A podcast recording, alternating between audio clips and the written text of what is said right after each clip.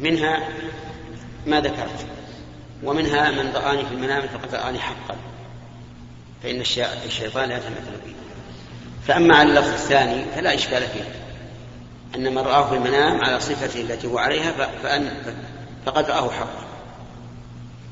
وأما على اللفظ الثاني في سيران في اليقظة فهو محمول على الصحابة الذين في عهده قبل أن يموت. هنا من اليسار شيخ أحسن الله إليكم. حكم استقبال القبلة في بداية الصلاة على الراحلة عند التكبير. آه على الراحلة وأنت في البلد؟ لا على الراحلة وهو في السفر. مسافر. نعم المسافر يجوز له أن يتنفل على راحلته إلى القبلة وإلى غيرها لأن الرسول صلى الله عليه وعلى آله وسلم كان يصلي على راحلته حيثما توجهت به غير أنه لا يصلي عليها المكتوبة. والأفضل إذا لم يشق أن يبتدئ تكبيرة الإحرام وهو متجه للقبلة والباقي إلى جهة السير فإن لم يفعل فلا حرج فلا حرج عليه. الصلاة صحيحة لأن المقصود تيسير المقصود تيسير التطوع على المكلف حتى يتمكن من فعل التطوع بدون مشقة. أما الفريضة فلا تجوز على الراحلة إلا للضرورة. الضرورة مثل أن يكون هناك آه، أمطار. أمطار أو رياح عاصفة لا يتمكن الإنسان من النزول إلى الأرض ويخشى فوات الوقت. فهذه ضرورة. وأما إذا لم يكن هناك ضرورة فإنه يجب أن يقف وأن يصلي في الأرض. ما لم تكن الراحلة واسعة كالسفينة مثلا بحيث يتمكن من استقبال القبلة والقيام والركوع والسجود والقعود فهذا لا بأس أن يصلي ولو, ولو لغير الضرورة. فصار أن هناك فرق بين الفريضة والنافلة. نعم. مسافر. مثلا أن وقت صلاة المغرب هل مثلا يجمع ويقصر؟ وعلما أنه مثلا سوف يعني يدخل وقت العشاء في البلد الذي أراد أن يسافر له. هل له أن يجمع ويقصر أو يصلي المغرب وقتها ويؤخر نعم. العشاء ويصلي مع الجماعة؟ أحسن الله إليك يعني لو كان الإنسان مسافرا. نعم. وهو يعرف أنه سيصل إلى البلد قبل وقت العشاء. نعم. فهل له أن يجمع العشاء مع المغرب في حال السفر؟ نعم. أو نقول انتظر حتى تصل إلى البلد. آه، الجواب له ذلك. له أن يجمع العشاء إلى المغرب. أولا لأنه في سفر. وقد دخل وقت المغرب. ووقت المغرب والعشاء واحد في الحال التي يجوز فيها الجمع التي يجوز فيها الجمع. ثانيا أن الإنسان قد يقدر أنه سوف يصل قبل وقت العشاء ولا يصل. قد تتعطل السيارة أو يحصل أي سبب يمنع من الوصول إلى البلد قبل الوقت. لكن نقول الأولى ما دمت تعرف أنك سوف تصل إلى البلد قبل وقت الثانية الأولى ألا تهلك طيب أحسن الله إليك. لو مثل أخرها مثلا المغرب والعشاء حتى إذا وصل البلد آه، صلاه جمع نعم جمع وقصر يعني. نعم. هل له ذلك؟ أحسن؟ نعم. لا لو أخر المغرب حتى يصل البلد فلا بأس. لكن إذا وصل إلى المغرب ووقت المغرب باقي فإنه لا يجوز أن يؤخره. يجب عليه أن يصليها في الوقت لأن سبب الجمع هو السفر وقد انتهى. عرفت؟ ثم إنه في هذه الحال أنت قلت يقصر يجمع ويقصر وهو لا, لا يقصر أبدا على كل حال لا يقصر. لأن القصر سببه السفر فمتى انتهى السفر؟ انتهى القصر. نعم. هنا هنا. لا تعدون الصف اللي أمامك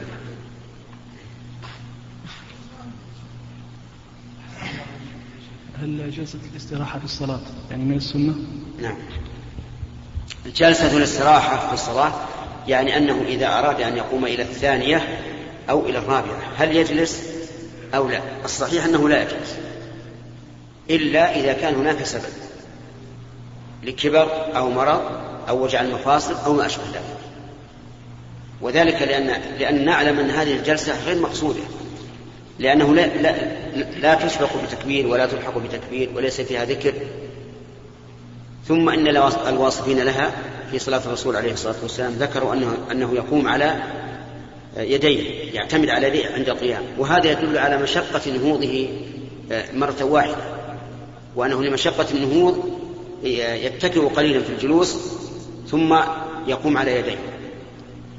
ومعروف أن مثل هذا الصفة لا تكون إلا عند إيش؟ عند العجز والتعب. فالذي نرى ما اختاره ابن القيم رحمه الله والموفق والموفق صاحب المغني أنها ليست سنة مطلقة وإنما تسن لمن احتاج إليها لكبر أو مرض أو وجع مفاصل أو ما أشبه ذلك. ولكن يبقى النظر إذا كنت تصلي خلف إمام يفعله هل تجلس تبع للإمام الجواب نعم تجلس تبع للإمام وإذا كنت تصلي خلف إمام لا يفعلها وأنت ترى أنها سنة فلا تجلس. لأن متابعة الإمام أهم. نعم. شيخ أحسن الله إليك.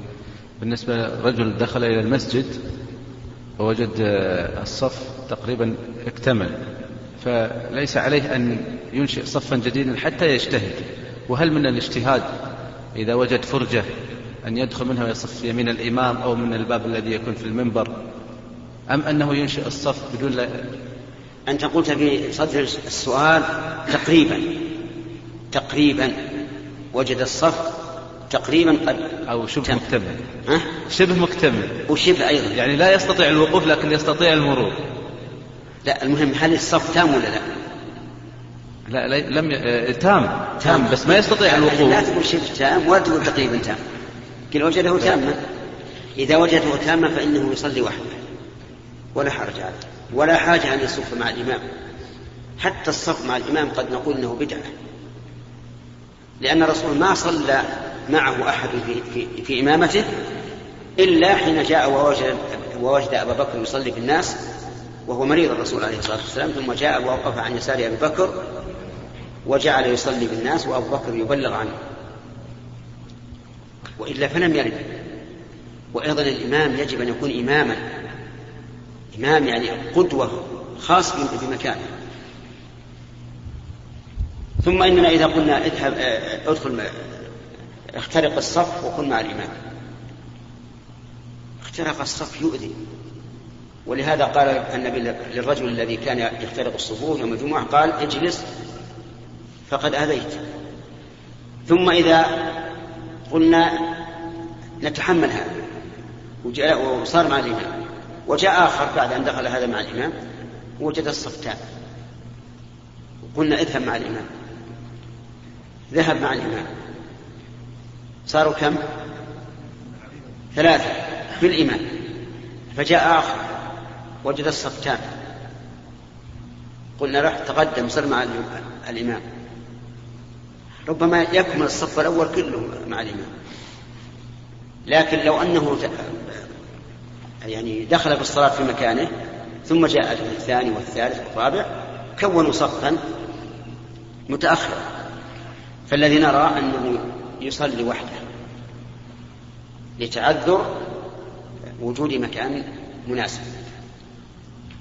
ثم يقول أتدرون عن خلاف العلماء في هذه المسألة. العلماء كل المذاهب الثلاثة مالك والشافعي وأبي حنيفة كلهم يرون جواز الصلاة خلف الصف بدون عذر. والإمام أحمد عنه في هذا روايتان والإمام أحمد عنه في ذلك روايتان رواية أنه يصح أن يصلي خلف الصف بدون عذر. تكون مذاهب الأمة الإسلامية على الرواية الثانية عن أحمد كلها على صحة الصلاة بلا عذر. يعني ليست المسألة في أجماع ولا الأكثر أيضا. لكن الحق أحق يتبع. الحديث يدل على أن من صلى منفردا خلف الصف بدون عذر فعليه الإعادة. لأن النبي صلى الله عليه وسلم رأى رجلا يصلي خلف الصف فأمره أن يعيد الصلاة. أما إذا تعذر أن يقوم بالصف فإن جميع الواجبات تسقط بإيش؟ بالعذر. وهذا إما أن نقول صل وحدك منفردا تبعا لإمامك أو انصرف ولا تصلي أيهما أحسن؟ أن يصلي معه منفردا؟ خير من أن ينصرف ولا يصلي. فالصواب الذي اختاره شيخ الإسلام ابن تيمية رحمه الله وشيخنا عبد الرحمن بن سعدي أنه إذا كان الصف كاملا فلك أن تصلي وحدك مع الإمام. يعني خلف الصف. نعم. اللي شيخ جزاك الله خير. آه، في هناك رسائل كثيرة. آه، يذكر فيها أخبار التائبين والتائبات وكذا. ويكون فيها أيضا فيها شيء من التفصيل بالنسبة للتائبات. آه، خروجها مع الرجل وكذا. ثم تاب الله عز وجل عليها. هل من المستحسن أن يطلع عليها الأولاد والزوجات هذه الأخبار؟ أو أن تحجب عنهم يعني الذي أرى وجوب حجبها وأرى أن الذي تابت لا يجوز لها أن تبوح بذلك. ولا يجوز لأحد أن ينشر هذا. لأن النبي صلى الله عليه وسلم قال كل أمتي معافى إلا المجاهرين أو المجاهرون. قالوا من هم؟ قال الرجل يذنب فيصبح يتحدث بما فعل. أي فائدة لنا أن نقول هذه فتاة خرجت مع شاب وفعل بها ثم ندمت وتابت أليس هذا يوجب أن يهون الأمر في نفوس السامعين والقارئين؟ أسألك. ولهذا نرى أن هذا الاجتهاد خاطئ جدا وغلط. ولا يجوز هذا الشيء. وأما ما ذكر الله تعالى خطيئة خطيئة, خطيئة آدم وتفصيلها وما أشبه ذلك فهذا ذكره الله عز وجل وله أن يفعل ما يشاء. أما نحن نفضح عباد الله ثم نوجب أن نهون هذا الأمر عليهم أتدرون أن هذا الأمر أول ما يسمعه الإنسان؟ امرأة خرجت مع شخص وفعل به يستعظم جدا جدا. كوش جلده يقل شعره. فإذا صار بين أيدي الناس يقرأ هان جدا. وهل كل امرأة تفعل هذا الشيء يمن الله عليه بالتوبة ربما تفعله ولا تتوب ولا تتوب. ولهذا أرى أنك إذا رأيت مثل هذا فقص الورقة التي في هذه القصة وإلا طمسها كلها طمسا تاما. والحمد لله لو فات عليك خمسة ريالات بالمزيل هذه ما يضرك إن شاء الله. نعم. بارك الله فيك يا شيخ. بالنسبة للمسح على الخفين إذا كان الشخص مصاب في نص القدم بألم أو برضة فكان لاف هذا المفصل أو هذا هذه القدم لافها نصف القدم تقريبا والنصف الآخر نصف القدم مكشوف والنصف الآخر لافة بشاش أو بضماد فكيف يكون المسح عليها؟ بارك الله فيك. هذا بارك الله فيك مو خفين مو مس خفين. إذا كان الإنسان قد لف على نصف القدم لفافة لألم فيه. هذا يسميه العلماء الجبيرة. اغسل ما بدأ اغسل ما بدأ وامسح على ما سجد على كله. وهذا ليس له مدة. ولا يشترط أن يلبس أن يلبس على طهارة. ويجوز في الحدث الأصغر والجنابة. لأن هذا يسميه العلماء إيش؟ إيش؟ جبيرة؟ فهذا لا, لا يدخل في مسألة الطيب. ها؟ إيه تغسل. تغسل. اليسار هنا. فضيلة الشيخ نعم. درج كثير من الناس على أنه إذا أراد أن يطلق زوجته يطلقها وهي في بيت أهلها. أما عقب نفاس أو أما؟ أما بعد في حالة نفاس أو عقب زيارة لهم. كما أنه يطلقها في بيته إثر خلاف بينهم ثم يذهب بها إلى أهله ولا يلقيها عنده. كما أنه لا يراعي إن كانت مستقبلة العدة أو غير ذلك. فما حكم الشرع في ذلك؟ وما توجيهكم وما, عدا وما على فاعله؟ أولا بارك الله فيكم جميعا. اعلموا أن الشيطان أحرص ما يكون على تفريق المرء وزوجه. يحرص على هذا حرصا عظيما.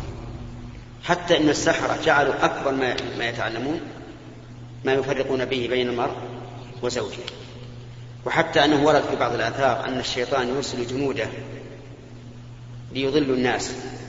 فيأتي هذا ويقول أضللت فلانا حتى فعل كذا وحتى فعل كذا ويأتي الشيطان الثاني ويقول إيه، ما تركت فلانا حتى فرقت بينه وبين زوجته فيلتزمه ويقول له أنت أنت يعني أنت الجيد. ولهذا نرى أن الطلاق كثر في ألسن الناس اليوم مع الأسف. وأن الإنسان يطلق زوجته على أتفه الأشياء حتى لو جاء وهي ما أكملت تسوية الشاهي يعني ما بقى عليه إلا أن تحليه فقط. قال ليش ما ليش تأخرت؟ أنت طالق بالثلاث مثلا ولا يدري هي, هي عليها الحي أو ليس عليها الحي هي في طهر جمعها فيه أو لا؟ ما يدري لكن الشيطان يؤزه حتى يطلق.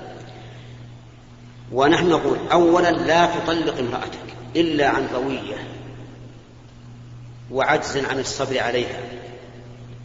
فإن أمكن الصبر فاصبر وتحمل. واذكر قول ربك عز وجل فإن كرهتموهن فعسى أن تكرهوا شيئا ويجعل الله فيه خيرا كثيرا.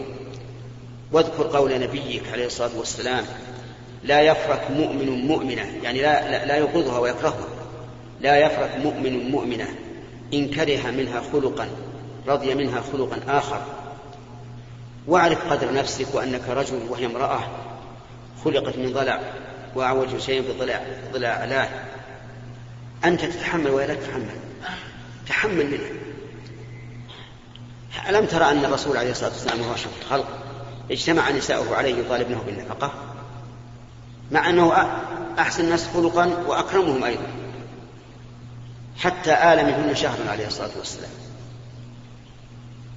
فالواجب على الإنسان أولا أن لا يطلق إلا عن روية واقتناع بأن الحال لا يمكن أن تصلح. فإن أمكن إصلاحها ولو على مضض ولو على كراهة فليصبر. ثم إذا إذا صمم على الطلاق وأنه لا بد منه فليطلقها إما حاملا وإما طاهرا في طهر لم يجامعها فيه وقولي إما حاملا آه، يدفع ظن بعض العوام أن الحامل إيش؟ ما لها طلاق. ولهذا دائما الذين يستفتون يقول ترى طلق وهي حامل يعني معناه ما له طلاق وهذا غلط. الحامل هي التي يجوز أن تطلقها قبل أن تغتسل من الجنابة منها. يعني لو لو جامع الإنسان المرأة وهي حامل وفور انتهائه من الجماع طلقها ما في بأس. جائز. لكن لو طلقها وهي طاهر لو جامعها وهي طاهر ثم أراد أن يطلقها نقول اصبر. إلى متى؟ إلى أن يتبين حملها إن حملت من هذا الجماع. أو تحيض ثم تطهر ثم تطلقها قبل أن تجامعها ولذلك ينبغي الإنسان إذا أراد أن يطلق كما قلت يجب عليه أولا أن يتريث فإذا كان لا بد من الطلاق فلينظر حال المرأة هي هي حائض إن كانت حائض ماذا يصنع؟ ها؟ وش يا جماعة؟ ينتظر حتى تطهر ثم يطلق قبل أن يجامعها إن كانت حاملا طلق. إن كانت في طهر جمع جمعها فيه انتظر حتى تحيض أو يتبين حمله إن كان في طهر لم يجامعها فيه طلق. ما في معنى. فلا بد من النظر. ثم إذا طلق إذا أراد أن يطلق يذهب إلى رجل موثوق عارف بالأحكام ويكتب طلاقه. على الوجه الشرعي. لأن بعض الذين يكتبون الطلاق الله يهدينا وإياهم يعني تعرض علينا أشياء من هذا النوع. إذا جاء الزوج قال ها آه وش وش تبي نكتب؟ الزوج مع الزعل يقول اكتب ثلاثة. اكتب ثلاثة. كان المفروض إنه يقول تعال نكتب طلقة واحدة. وإذا كانت طلقة واحدة الخيار بيد من؟ بيد الزوج. إن شاء راجع وإن شاء ما راجع. لكن إذا كان ثلاث ربما يفوت الخيار.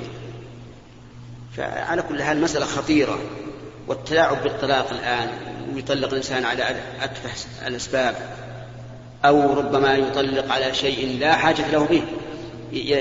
ينزل عليه رجل ضيفا فإذا رآه الضيف يتحرك بيسوي له طعام ولا قال عليه الطلاق ما تذبح.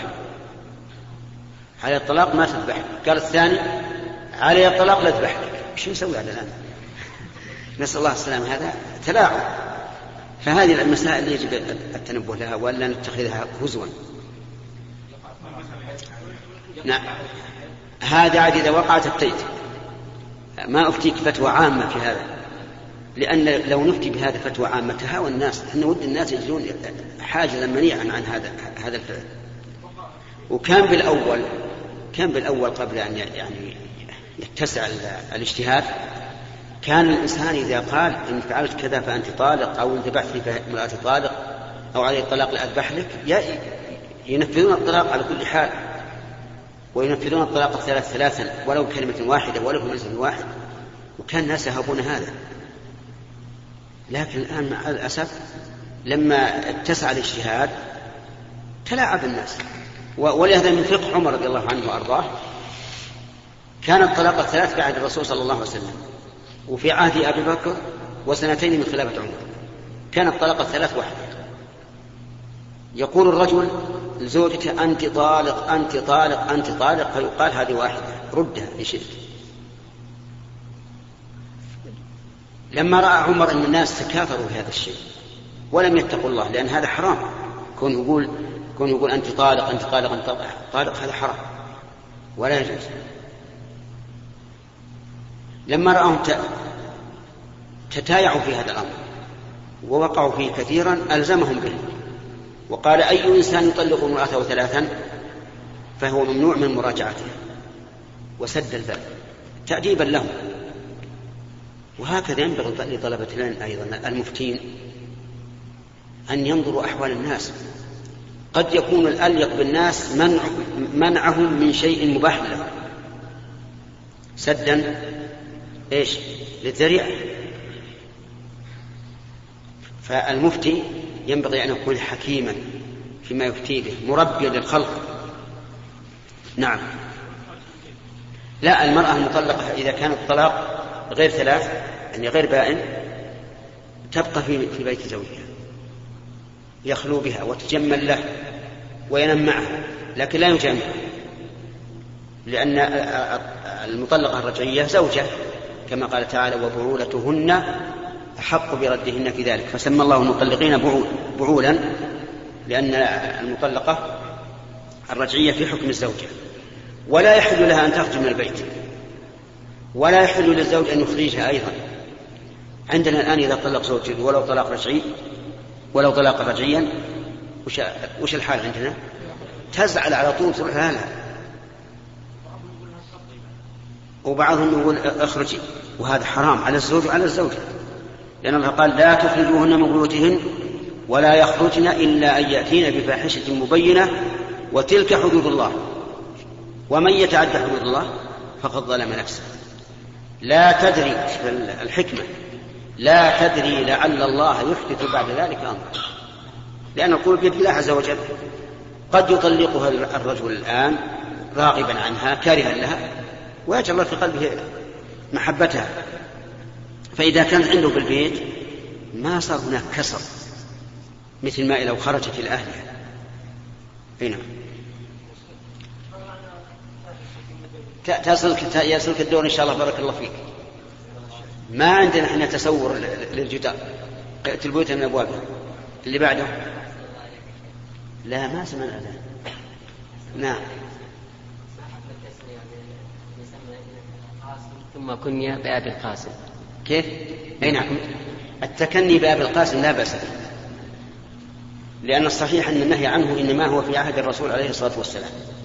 حين كان الناس يدعون أبا القاسم في فيتوهم الإنسان أنه رسول الله. حتى أنه نادى رجل يا أبا القاسم أظنه التفت النبي صلى الله عليه وسلم فقال آه، الرجل أنا أعني سواك. وهذه ما هي هينة. ولهذا كان التكني بأبي القاسم في عهد الرسول عليه الصلاة والسلام. منهيا منهيا عنه أما بعد ذلك فلا بأس. تجوز تجوز الصدقة على الكافر. أين. اقرأ قول الله تعالى في آية في سورة الممتحنة. لا ينهاكم الله عن الذين لم يقاتلوكم في الدين ولم يخرجوكم من دياركم أن تبروهم وهذا إحسان وتقسطوا إليهم وهذا عدل. فتجوز الصدقة على الكافر بشرط أن لا يكون ممن يقاتلون في دينه. فهمت؟ ولم يخرجنا من ديارنا لكن إذا كان قومه يقاتلوننا في الدين أو يخرجوننا من أو يخرجوننا من ديارنا فلا نتصدق عليه. لأننا إذا تصدقنا عليه وفرنا وجبة من الوجبات. الوجبات كم تكون؟ بكم ريال؟ أه؟ في بعشر ريال. العشرة هذه يروح بها دولته يستعين بها على الكفار. يستعين الكفار بها على المسلمين. فإذا كان من قوم لا, لا, لا يعني لا يقاتلون في دين الله ولا يخرجون من ديارهم فلا بأس أن تصدق عليه أو إذا كان ممن يرجى إسلامه لأن بعض الكفار الذين يأتون إلى هذه البلاد تلين قلوبهم ويرجى إسلامه والمال مما يجلب المودة كما قال الحديث تهادوا تحابوا. وكما جعل الله المؤلف قلوبهم من الزكاة. لأن هذا يقربهم وفعلا هذا وقع. بعض الكفار أسلم لما رأى لين العريكة من بعض كفلائهم وأنه يهدي إليه ويتسلط عليه أسلم. فإذا كان يرجى إسلامه بعطيته أو الهدية إليه فلا بأس. شيخ بارك الله فيك. يا شيخ بارك الله فيك. آه، رجل عقد قرانة على امرأة وعند المأذون الشرعي آه، قال المأذون المهر قدره فسكت ولي الزوجة وتكلم أب, أب الزوج وقال بقدر هكذا من الذهب وهكذا مثلا من النقود. فبعد مدة هل يجوز مثلا يا شيخ إذا تراضى الطرفين بأن يغيروا ما في العقد من قيمة المهر يا شيخ؟ أم هل هم ملزمين بما في العقد يا شيخ؟ المهر سبحان الله بين الزوج والزوجة. المهر بين الزوج والزوجة. فإذا سميا شيئا في العقد ثم تراضيا بعد ذلك على أكثر أو أقل فالأمر إليه. يعني لو قالت الزوجة أنا ما أبي نصف المهر يكفيني فلا بأس. وأنا أذكر لكم قصة وقعت في بلادنا من زمان بعيد. تزوج رجل امرأة بصداق ريال استمع يا أخ السائل تزوج رجل امرأة بصداق ريال على صداق ريال واحد. وأعطى المرأة الصداق. وكان في ذلك اليوم يعني اليوم اللي فيه الدخول في الليلة السابقة كان مع امرأته نائما فقرأ, فقرأ عليهم الباب رجل بشدة.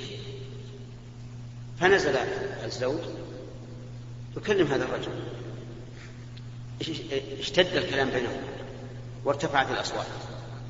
فنزلت الزوجة واستمعت إليه وإذا هو يطالب زوجها بريال طالب بريال رجعت ثم انفض المجلس بين الزوج والرجل وقالت وش يبي هذا اللي كسر الباب وعلت الأصوات بينكم وبين وش يبي؟ قال هذا يضرب الرجال من كم من شهر أو ما أشبه ذلك. وقلت إن شاء الله بيسهل الله قالت هذا الرجال اللي عطتني إياه كوفه نعم. فأخذه وأوفى به. هل هذا جائز ولا مو جائز؟ أسألك. ها؟ لا اجزم بانه جائز إن شاء الله. لأن حق للزوجه وإذا كان للزوجة هي حرة. ونسمع الاذان الآن وإلى لقاء آخر إن شاء الله تعالى. والحمد لله رب العالمين وصلى الله وسلم على نبينا محمد وعلى آله وأصحابه أجمعين. ونعتذر من الإخوة الذين لم يصلهم الدور ونعدهم ان تذكرنا وجاءوا مبكرين في الجلسة القادمة أن يكونوا مقدمين على غيرهم يلا يا موسى أيها الإخوة.